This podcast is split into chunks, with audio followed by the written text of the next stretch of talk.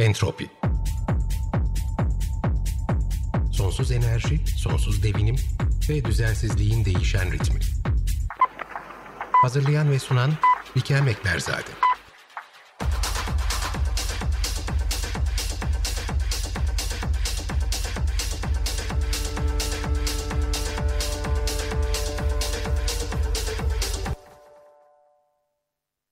Besleniyoruz. Onun kıyılarında hayat buluyoruz, sularında serinliyoruz ama ilk fırsatta da ona sırtımızı dönüyoruz. Hunharca tüketiyoruz, kirletiyoruz. Sanki sonsuza dek bizim onu hiçe saymamıza tahammül edecekmişçesine, buna mecburmuşçasına onu hor görüyoruz ve yok sayıyoruz. Koca bir boşluk, adeta yer kaplayan bomboş bir su kütlesi denizler birçoğumuz için. Bize her gün onun en zor zamanlarında bile sunduğu hayatı yok sayıyoruz. Üzerine kıradakine benzer çiftlikler kuruyor, ardını arkasını pek düşünmeden kıyılarını dolduruyor. Onun milyarlarca yıllık sancılı oluşumlarına kulak asmayıp kendi kısacık yaşam süremizde onu yeniden şekillendirebileceğimizi sanıyoruz. Aslında ondan geldik ona döneceğiz. Çünkü bizden önce de o vardı ve bizden sonra da var olmaya devam edecek. Denizlerimiz, bu gezegende var olan yaşam için olmazsa olmazımız, okyanuslarımız. Ya biz bu coğrafyada yaşayan biz başka hiç kimsenin sahip olmadığı bir mucizenin bekçileriyiz. Bir iç denizimiz var Marmara ve her şeye rağmen hayata kalmaya çalışıyor. Biz ona yapmadığımızı bırakmıyoruz. İşte bugün tam da bunları konuşacağız. İstanbul Üniversitesi Deniz Bilimleri Enstitüsü'nden iki önemli konuğumuz var. Fiziksel oşinograf doçent doktor Hüsnü Altıok ve deniz biyoloğu doçent doktor Ahsen Yüksek. Her ikisi de üç tarafı denizlerle kaplı bu ülkenin yetiştirdiği ender deniz bilimcilerden. Ama öncesinde Okyanus diyelim ve Pearl Jam'in aynı isimli parçası ile programa başlayalım. Bugün günlerden 24 Ağustos 2020 Entropi'nin 9. bölümüne hoş geldiniz. Sevgili Aslan Yüksek, sevgili Hüsnü Altıok, e, hoş geldiniz Entropi'ye. Aslan sen e, İstanbul Üniversitesi Deniz Bilimleri Enstitüsü'nde deniz biyoloğu olarak çalışıyorsun. E, Hüsnü sen de aynı enstitüde fiziksel oşinograf, oşinografsın.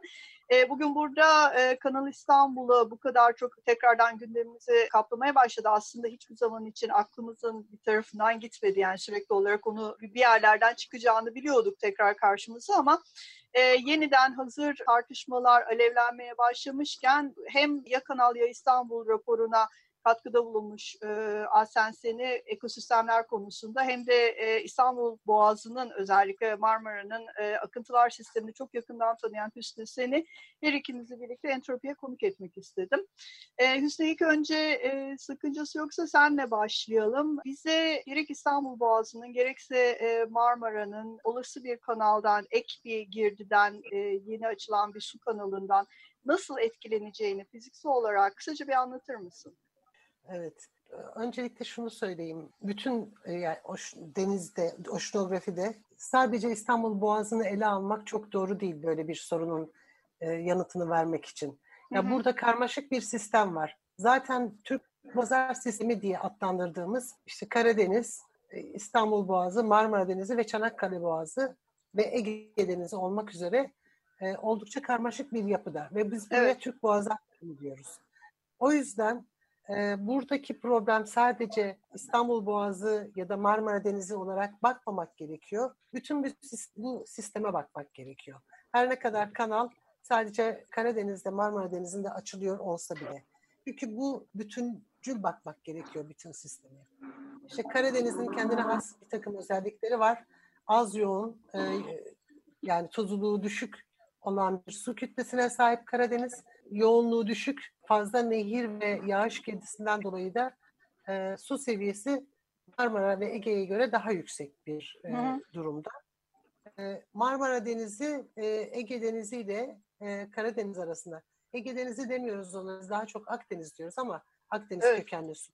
Yüksek tuzluluktaki bir su olduğu için ikisinin arasında kalmış jeolojik zamanlarda da farklı formasyonlarda bulunan bir iç deniz ve e, bağlantıları Çanakkale Boğazı ve Karadeniz üzerinden yapıyor. Burada çok karmaşık bir sistem çıkıyor ve Akdeniz'in de e, yoğun ve tuzlu olan suyu aslında e, Karadeniz'e e, dip çökelti suyu Doğru. olarak giriyor. Ve, dip su olarak gidiyor, evet. Ve nehirlerin beslediği Karadeniz'in üst tuzluluk oranı daha az olan suyu da e, akıntıyla e, Marmara'ya doğru giriş evet. yapıyor. Evet, yani şu anda günümüzdeki e, durumu şöyle yoğun olan su, e, Akdeniz'den gelen su Marmara'nın e, basenini tamamen doldurmuş durumda. Yani hacim olarak aslında Akdeniz suyu çok daha fazla miktarda var Marmara'da. Şeyi olarak dolduran o. Ve eğilim açısından da çok yoğun su az yoğuna doğru gittiği için Karadeniz'e doğru bu alttan gider. Karadeniz'in suyu daha yüksek olduğu için de daha az yoğun olan üstten İstanbul Boğazı, Marmara Denizi ve Çanakkale üzerinden de Ege Denizi'ne doğru akar. Burada e, ya bu da çok böyle hani çok basit bir sistemmiş gibi söylüyoruz ama oldukça Doğru. karmaşık. Bir kere Çanakkale Boğazı'nın kendine has bir dinamiği var. E, oradan geçen e, su akışı, alt ve üst suların yani ne kadar miktarda Ege Denizi'ne akıyor, ne kadar miktarda Marmara Denizi suyun geldiği oranın e, kendi coğrafik, geometrik yapısına bağlı. Aynı şekilde İstanbul Boğazı da öyle. İstanbul Boğazı'nın da e, dar uzun olmasından dolayı ve bazı eşiklerin olmasından dolayı yani kısıtlayıcı çevre faktörlerinin olmasından dolayı hem e, Karadeniz'den gelen bu üst tabaka suyu bazen kesintilere uğrar, bazen çok yoğun gelir, alt tabaka akıntısını keser ya da bazı meteorolojik koşullardan dolayı da alt tabaka suyu yani Akdeniz suyu olabildiğince çok fazla Karadeniz'e doğru çıkar. Yani çok değişken meteorolojik şartların etkisinde, mevsimsel döngülerin, değişimlerin de etkisinde çok değişken bir yapıda. Ve hassas ee, bir yapıda aynı zamanda anladığım kadarıyla. E, evet hem hassas hem de bu bizim yani maksimal exchange dediğimiz yani Türkçe olarak da nasıl e, tarif edeceğiz? Debilerin yani hem alt su hem de üst su debilerinin birbirlerini e, çok fazla etkilediği belli bir debi miktarından daha fazla yukarı çıkamadığı bir durum söz konusu burada. Yani diyelim ki Karadeniz'den gelen debi çok yüksekse alt tabakayı kesiyor. Ya da tersi. Alt tabakanın debisi çok yüksek olduğu zaman e, bazı meteorolojik koşullarda alt tabaka çok yüksek oluyor debisi. O zaman da üst tabakayı kesiyor. Şimdi böyle bir yerde e, sisteme bütüncül bakmak gerekiyor. E, yapılacak yani bir kanal yap, açacakken açarken bazı şeylere dikkat etmek gerekiyor. Model yapmak gerekiyor. Ee, bazı durumlarda simüle etmek gerekiyor. Bunu, bunları da göz önünde bulundurarak yapılması gerekiyor. Bu Türk Boğazlar Sistemi'nin Karadeniz'den başlayıp Ege Denizi'ne kadar tamamını içire, içerecek şekilde hidrodinamik model olması gerekiyor. Ayrıca bu ekstrem durumlar dediğimiz şartları da sağlayan bir e, hidrodinamik model inşa edip onun üzerine ekosistemi koymak gerekiyor. Peki böyle ben bir model. E, evet Aslı, Aslı'nın onu zaten ekosistem kısmını soracağız ama böyle bir model gerek e, ÇED raporu süresince gerek bu e, projenin e, önerilme e, aşamaların herhangi birinde böyle bir model çalıştırıldı mı? Zannetmiyorum. E, çünkü buraya daha çok mühendislik olarak bakılıyor. Mühendislikte de nedir? İşte bir kanal açıldığı zaman bu kanalın debisi, debisi ne olmalı diye bir takım hesaplamalar yapılıyor. Sadece İstanbul Boğazı'nın yanına bir kanal açtığımız zaman Karadeniz'deki ve Marmara'daki su e, miktarları ne kadar değişir, alışveriş ne kadar değişir, debiler ne kadar değişir bu hesaplanıyor ve sadece mühendislik açısından bakılıyor. Yani benim söylemek istediğim e, deniz bilimleri açısından ekosistem modeline kadar ileri düzeyde yapılması gerekir ama onun dışında yapacağımız hidrodinamik modelin bile e, Karadeniz'den başlayıp Akdeniz'de bitmesi gerekiyor ya da Ege Denizi'nde bitmesi gerekiyor. Evet daha geniş bir havzayı. önemli evet. Daha geniş yani bir havzayı içine alması gerekiyor. Gerekiyor. Kanal İstanbul'un Ege Denizi'ne bile etkisi oldukça yüksek olacaktır. Örnek Süveyş kanalı. Yani Süveyş kanalı açıldıktan sonra da biliyorsunuz Akdeniz daha fazla tuzlanmaya başladı. Tuzlanmaya tabi oldu ve bunlar da çok kısa dönemlerde olan şeyler değil. Yani 100 evet. yıllar, 50 yıllar, 100 yıllar gibi bir süreler geçiyor. Çok güzel bir örnek aslında Süveyş kanalı. Çünkü burada aynı zamanda şimdi Aslen'e e, aynı soruyu, benzer bir soruyu yönelteceğim. E, Süveyş kanalında da bugünlerde en son, e, özellikle son dönemde daha sıklıkla konuştuğumuz şeyde e, o bölgeden e, geçiş yapan ve geçiş yaptıkları bölge endemik olmayan türler. Aslen yani benim e, Türkiye'de gerçekten tanıdığım bölgenin e, denizel ekosistemini en iyi bilen insanlardan bir tanesisin. Sayısız dalışın var. Gerek e, Akdeniz Havzası'nı gerek Marmara'yı e, çok çok iyi tanıyorsun. E, şimdi Hüsnü de e, fiziksel kısmından bahsetti. Hüsnü de e, fiziksel kısmından bahsetti durumun ama ekosistemsel e, biyolojik kısmında e, neler öngörüyorsunuz? Tehditler, tehlikeler, riskler nelerdir? Şimdi Süveyş kanalından giriş yapınca önce ona değinmek isterim. Ee, Marmara, Karadeniz ve Akdeniz havzasıyla Marmara'yı zaten biz bir deniz olarak görmüyoruz. Bir boğaz sistemi olarak görüyoruz. Çanakkale, Marmara açılan bir e, baloncuk gibi ve oradan daracık bir e, İstanbul boğazıyla Karadeniz'e bağlanan Akdeniz ve Karadeniz arasında bir boğaz sistemi olarak, bütün olarak ele almamız lazım ve gerçekten de dünya üzerinde nadir görülen ekosistemlerden biridir. Bu bakımdan bile yani korunması gereken çünkü iki önemli, iki büyük havzayı birbirine bağlayan biyoçeşitlilik açısından balıkçılık açısından balıkçılığın ekonomik çünkü e, en önemli e, gelirlerimizden biri olan balıkçılığın büyük bir kısmı Karadeniz'den e, sağlanıyor ve bunun yegane bağlantısı Marmara ve şey İstanbul bazı yani Marmara sistemi çökerse Karadeniz'de de etkilerini göreceğiz. Akdeniz'de de etkilerini göreceğiz. Yani ekonomik bakımdan çok önemli, ekosistem bakımından Karadeniz'in biyoçeşitliliği tamamen bizim bu Marmara sistemine bağlı yeni türlerin gelmesi, ekonomik türlerin üremek için oraya gitmesi veya göç yapması, e, beslenmek için yaptıkları göçlerde tamamen bu e, boğaz sistemine bakmalı ve bu boğaz sistemi bundan dolayı dünya üzerinde nadir ekosistemlerden biridir.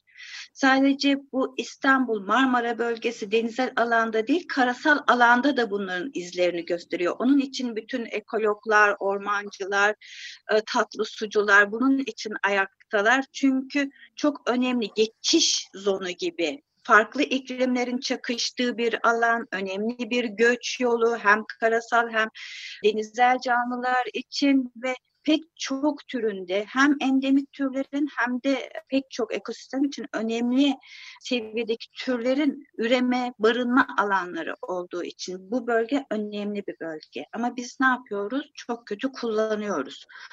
Süveyş kanalına tekrar şey yaparsak, Süveyş kanalı şimdi Akdeniz ekosistemiyle e, diğer Kızıldeniz birbirinden çok farklıydı. Evet. Ve e, bütün türler açısından da önemli derecede farklıydı. Bir kanal sistemi oluşturuldu ve Akdeniz'in ekosistemi tamamen zaten çöl diyorduk. Daha da çölleşmeye gitti çünkü e, önemli türlerin büyük bir kısmı kayboluyor. Peki ekosistem açısından yüzden bunu nasıl değerlendirirsiniz derseniz de bir şey diyemiyorum. Çünkü bazı türler ekonomik bakımdan bir gelir sağlarken hani ekonomi ekonomi de çok önemli e, sistem içinde. Ekonomik olarak bazı türlerin girip biyoçeşitliliğini artırdığını düşünürsek iyi gibi. Ama öyle türler giriyor ki e, bunlar sistemde belirgin değişiklikler yapıyor ve yerli türlerimizin yok olmasını, sistemin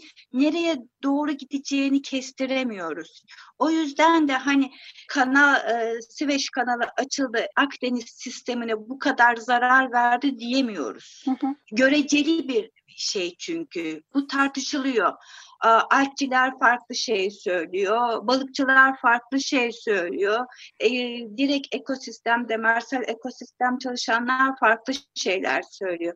O yüzden bu tartışılan bir şey görüyor göreceğiz. Ya, ya daha kötüye gidecek ya daha iyi gidecek. Şimdi Zaten bu bu dengeli dengeler e, ekosistem dengeleri e, gözünde alın, e, alındığı zaman yani iyi kötü diye bir şey yok ama bir etki söz konusu. Bir değişim söz konusu. O evet. değişim e, oradaki e, nasıl anlatayım o bölgeye e, hassas ve o bölge için yararlı olan türler üzerinde nasıl bir etki gösterecek? Bizim evet. kaygımız burada bu aslında öyle değil mi? Evet, Aynen öyle. Şimdi bazen balıkçılar seviniyor. İşte yeni yeni türlerimiz var. Ekonomik olarak değerli türlerimiz var. Ama eski ekosistemimizi kaybettik. Eskiden de önemli türlerimiz vardı. Onların bir kısmını da kaybettik. Onların yerine yenileri geldi. Bu tartışılan ayrı bir konu. Şimdi zamanımız da kısa olduğu evet. için Marmara'ya geldiğimizde biyoçeşitlilik açısından e, büyük bir fark söyleyemem. Yani çünkü sürekli etkileşim e, halindeler. Karadeniz'in bütün biyoçeşitliliği Marmara'ya bağlı. Yani boğaz sistemine bağlı. O yüzden biyoçeşitlilik açısından bir şey söyleyemem. Ama en önemli şey İstanbul artık kaldıramıyor. İstanbul'un nüfusu çok yükseldi. Bununla birlikte daha da yükselecek. Şu andaki Marmara Denizi'nin, Marmara ekosistemine baktığımızda özellikle kuzeyde sistemin tamamen çöktüğünü görüyoruz. Tamamen çöktü şu anda kötü seviyede. Yani bunun daha şeyi yok. Bundan sonra azoik zon başlayacak. Çeşitlilik açısından öyle, oksijen seviyesi açısından öyle taşıyamıyor. Nasıl İstanbul artık e, karasal tarafta da e, yaşamı zorlaştırdı, bizlerin sağlığını tehdit eder durumda. Aynı şekilde denizde de baskılar o kadar fazla ki kıyı ekosistemi yok edildi. Tamamen doldurma, doğal alanlarımız yok oldu. Kıyı ekosistemi çok önemlidir. Biyoçeşitliliğin üreme alanıdır. Küçük canlıların gelişme alanıdır. O yüzden önemli şeyi biz tamamen yok ettik kötü kullanarak. Yine çok büyük miktarda deşarjlar var. Yani e, bunların bir kısmı ileri derecede büyük paralar harcanıyor olsa da yetmiyor. O kadar büyük bir nüfusu, Türkiye nüfusunun büyük bir kısmı burada yüzde otuzuna yakın burada kayıtlı olan. Sanayinin yüzde kırkı burada. Liman faaliyetlerinin yüzde ellisinden fazla fazlası burada. Gerçekten küçücük, daracık bir alanda biz büyük işler yapmaya çalışıyoruz. Burayı çok yoruyoruz, korumadan yoruyoruz, kontrolsüzcana yoruyoruz. Şimdi yeni bir yük geldiğinde, hani e, model çalışması yok, şey yok çünkü yeni gelecek suyun kalitesi önemli Marmara siz çok temiz bir su getirseniz bile Karadeniz'den çünkü Tuna etkileşiminin olacağı düşünülüyor. Tuna evet. suyunun Marmara'ya geleceğini o ayrı bir yük getirecek. Yani Marmara şu anda boğuluyor. Ee, bunun üstüne artı bir yük getirecek. Bir de bunun nüfusu artışı. Karasal alanda nüfusun bir buçuk iki milyon kadar tekrar artacağı Çünkü öngörülüyor. kanalın etrafına yapılacak yeni yerleşim yerleri, insanlar taşınacaklar, Aynen, daha fazla e, e, belki trafik artacak. E, senin dediğin gibi tekrardan karasal dolgu alanları olacak. Değil mi? Evet. Yani nüfus yükü olarak bundan bahsediyoruz. Da, tabii, denizler, e, havadaki kirliliği de kendi absorbe etmeye çalışıyor. Yani e, deniz o kadar güzel, ciğerler gibi bütün her şeyi kendi bünyesinde tutup bizleri yaşanır hale getiriyor. Deşarjlarımızı e, parçalayarak ekosisteme uyumlu hale getiriyor. Azotu, fosfatı parçalayıp şey yapıyor. Ama biz ona artık o kadar fazla yük veriyoruz ki karbondioksit emisyonları falan böyle bir sürü kirletici maddeyle artık denizler temizleyemiyor. Hı hı. Ve temizleyemediği için kendi yaşamını da yitirmeye başladı. Marmara'nın kuzeyi şu anda yok olmak üzere. Yani bunun şeyi falan yok. Bütün ekosistem haritalarına baktığınızda, ekosistem kalitesi haritalarına baktığınızda Marmara'da yazda, kışta kırmızıdır. Yani çok kötü yönetilmiştir. Doğru. Şimdi bir de buna siz artı yük getirirseniz bunun artık nesini konuşalım? Hı hı. Yani konuşulacak bir şey yok. Diğer yandan şuna da değinmek istiyorum ben bu kısa zamanda. Bir de Karadeniz kıyısı var. Karadeniz ekosistemimiz bizim kıyı şeridimiz çok özel bir kıyı şeridi. Koruma altında bir sürü türlerimiz var. Ve milyonlarca yılda oluşmuş bir şey. Gerçekten o kumul alanı görmenizi de tavsiye ederim. Özel bir kum yapısı vardır oranın. Evet. Kum demek değil kalkılı bir yapı. Koruma altında yine türlerin olduğu bir alan. O o kısmı da yok edeceğiz. Yani çok doğal bakir bir alanı yok ediyoruz. Bir de Marmara'ya geldiğimizde de zaten ölmekte olan bir e, hastaya tekrar bir hançer sokuyoruz. Çok güzel toparladın. Teşekkür ederim Ahsen. Ee, şimdi ben tekrar e, son olarak Hüsnü'ye döneceğim. Hüsnü aslında sen az önce bahsettin. Bu e, burası bir kanyon yapısı İstanbul e, İstanbul Boğazı. Her ne kadar bütüncül bakmak gerekirse Marmara, Çanakkale ve İstanbul Boğazı nezdinde burayı değerlendirmek gerekirse de İstanbul Boğazı aslında eski zamanlara baktığımız zaman e, Aslen ben senin bana daha önceden gönderdiğin e, foto e, şeylerden çizimlerden biliyorum. Marmara aslında çok küçük bir su havzası. Deniz değil. E, iki tane akarsu sistemi burayı besliyor. Bu akarsulardan bir tanesi de bugün İstanbul Boğazı olan kanyondan geçiyor. Yani orası aslında bizim bugün boğaz olarak gördüğümüz havza aslında eski bir kanyon. Öyle değil mi Hüsnü? E, ve buradaki e, işte zemindeki topuklar, e, bütün bu e, akıntı rejimine bir şekilde oradaki akıntının hızını ve aynı zamanda e, ne kadarın Karadeniz'den ne kadarın Akdeniz'den geleceğini de oranın topografyası da biraz belirliyor. E, şimdi biz buraya e, yeni bir kanal açıyoruz. Yani yeni bir e, yol, yeni bir su yolu açıyoruz.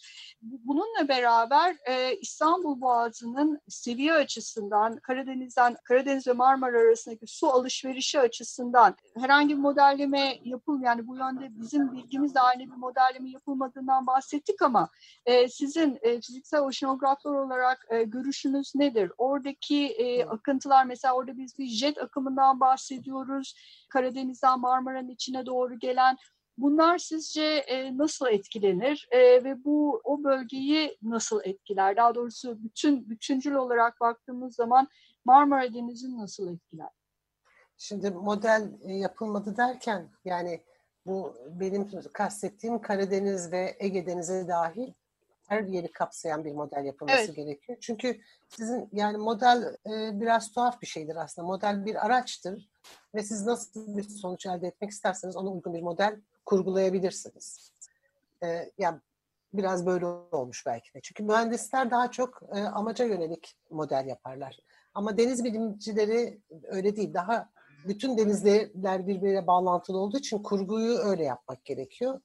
E, modeller aslında Türk Boğazlar Sistemi'yle yapılmış bu tür modeller var. Yani Karadeniz'i ve Ege Denizi içine alan yapılmış modeller var. Şeyde, ÇED içinde yapılmış model var. Ama dediğim gibi o sadece bir kanal açılırsa bundan İstanbul Boğazı ne kadar etkilenir? Kanaldan geçen suyun depisi ne olur? Bu şekilde kurgulanmış bir model var. Ee, şimdi bu tür çalışmalar yani şeyleri ya, tam olarak bize uzun vadede sonuçları vermez. Ben onu kastetmiştim. Hı hı. Çünkü etkileyen faktörler sadece e, boğazın giriş ve çıkışındaki su seviyesi ve tuzluk oranları değil. Bütün Karadeniz, Karadeniz akan nehirler, Tuna Nehri'nin debisi, oradaki iklim değişikliği yani o iklim değişikliğinin getireceği ne, nasıl diyeyim tahminlere göre de bir model yapmak gerekiyor. Tabii. Çünkü Tuna suyu önümüzdeki 50 yıl, 100 yıl sonra ne olacak? Buharlaşma Tabii. hangi seviyede olacak Karadeniz'de? Karadeniz'in su seviyesi önümüzdeki e, yıllarda artacak mı, azalacak mı? Modele bunları da katmak gerekiyor. Tabii ve belki Aynı de şekilde, hatta kıyıdaki ormanlarda ne kadar e, azalma olacak ona göre belki tabii, oradaki evapotranspirasyon nasıl etkileyecek, su su dengesi tabii nasıl etkilenecek vesaire. Bütün bunu modele katmak gerekiyor. Yani benim kastetmek istediğim böyle bir model çalışması ile ancak biz e, ne olabileceğini tahmin edebiliriz, söyleyebiliriz. Yoksa İstanbul Boğazı'ndaki şeyi biliyoruz zaten. Yani modeli çok önceden yapıldı. Biz yıllarca orada gözlem yaptık. Her türlü hava koşullarında Boğaz'daki akışların ne olduğunu biliyoruz. Fakat şunu biliyorum ki ben e, modelci olmayan bir oşinograf, fiziksel oşinograf olarak hiçbir model bana blokajların yani bu alt, alt ve üst su e, debilerini tam olarak vermiyor. Halbuki biz e, bunları ölçüyoruz. Ölçebildik yani zamanında ölçtüğümüz dönemlerde. Yani bu blokajların olduğu şeyler, hava koşulları, su seviyesi ya da diğer şeyler e, bize modeli test etmemizi de sağlar. Ama henüz bu şekilde çalışan bir model yok benim bildiğim arasında. Aslen bir şey söylüyordu. Aslen bir şey söyleyecekti. Aslında bir şey söylemek istiyorum. Şimdi bir sürü modeller konuştu, fiziksel oşeanograflar falan filan konuştu.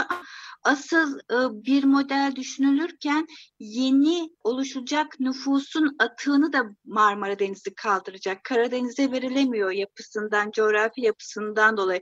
Yani sadece o kanaldan gelecek bir yük değil, aşırı nüfus artışına bağlı da bir kanalizasyon sistemi gelecek Aşırı bir yük gelecek, aşırı tahribat gelecek. Bunların da hesaplanması gerekir. Evet. Ne kadar yük geleceği düşünülürken. Evet yani çok kapsamlı bir e, çok, çok, kapsamlı. çok kapsamlı bir çalışma yani, yapılması gerekir. Ama gerçek olan yani gerçek olan şu anda Kuzey Marmara zaten çökmek üzere. Sistemi ben, çökmüş. Şey Siz olarak onun e, şunu söyleyeyim yani İstanbul şey Marmara Denizi için şöyle bir şey var. Şeyden İstanbul Boğazı'ndan gelen su jet akımı hı hı. E, Marmara'nın içerisinde bu Marmara Denizi'nin sahip olduğu bu iki tabakalı altta Akdeniz suyu, üstte Karadeniz suyunu karıştıran, alttan üst tabakaya karışıma yol açan mekanizma zaten başlı başına bir problem. Çünkü e, Akdeniz kökenli su aşağıda daha fazla besin elementleri var. Ahsen daha iyi bilir. Bunların yukarı çıkması ve işte bir takım fitoplankton patlamaları vesaire sebep oluyor. E, bir de bizim denizi deşarj olarak, deşarj alanı olarak kullandığımız için, alt suya verdiğimiz için bütün bunlar yukarıya çıkıyor. Yani bunların hepsi tehlike. Bu, ve Ahsen'in söylediği de bu e, Kuzey Marmara'da o kadar fazla denize deşarj veriyoruz ki e, zaten e, başka bir kanal açmadan bile boğazdan gelen su yeterince ortalığı karıştırıyor. Öyle söyleyeyim. evet. Çok teşekkürler her ikinize de. Ya bu konu daha çok e, su götürür diyelim. e, e, biz e, daha daha çok konuşacağız bunu sizle. E, bu e, entropideki bu minvalde yapacağımız yayınlardan ilk olsun. E, daha bu işin karasal kısmını e, diğer hocalarımızla konuşacağız. Deniz ve oşinografi kısmında yani gerek e, fiziksel kısmında gerek biyolojik kısmında tekrardan size geri döneceğiz. O yüzden e, benim de çok önemsediğim bir konu. Aynı zamanda entropinin de konu e, dağılımına uyan bir e, şey bu e, durum. Evet. Her ikinize de bugün katıldığınız için çok teşekkür ederim. İlerleyen programlarda görüşmek üzere diyelim. Ben teşekkür ederim Biken. Ben teşekkür ederim.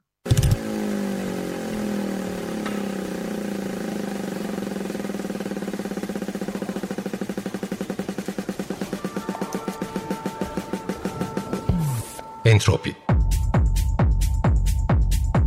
Sonsuz enerji, sonsuz devinim ve düzensizliğin değişen ritmi.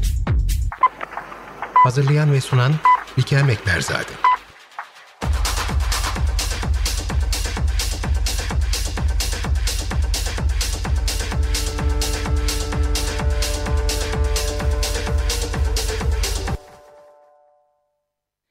Açık Radyo program destekçisi olun